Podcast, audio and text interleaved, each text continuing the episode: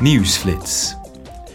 De nieuwe subcommissie Volksgezondheid van het Europees Parlement is aan de slag gegaan. Deze subcommissie telt 30 leden die zich zullen bezighouden met farmaceutische en cosmetische producten, de gezondheidsaspecten van bioterrorisme, het Europees Geneesmiddelenbureau en het Europees Centrum voor Ziektepreventie en Bestrijding. Wetgevingsvoorstellen onderzoeken en daarover stemmen blijft wel de verantwoordelijkheid van de Commissie Milieubeheer, Volksgezondheid en Voedselveiligheid. De Europese Commissie wil het makkelijker maken om huisdieren en bepaalde goederen van Groot-Brittannië uit te voeren naar Noord-Ierland. Daarom heeft zij een voorstel voor een verordening klaar dat ze morgen zal toelichten aan de bevoegde parlementaire commissies. Dat zijn de Commissie Milieubeheer, Volksgezondheid en Voedselveiligheid en de Commissie Landbouw en Plattelandsontwikkeling.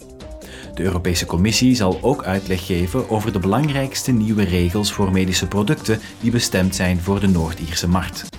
Dit alles komt voort uit het zogeheten Windsor-kader, waarover de Commissie en de Britse regering het op 27 februari eens zijn geworden. Morgen zal de begrotingscommissie debatteren over financiële steun aan Moldavië.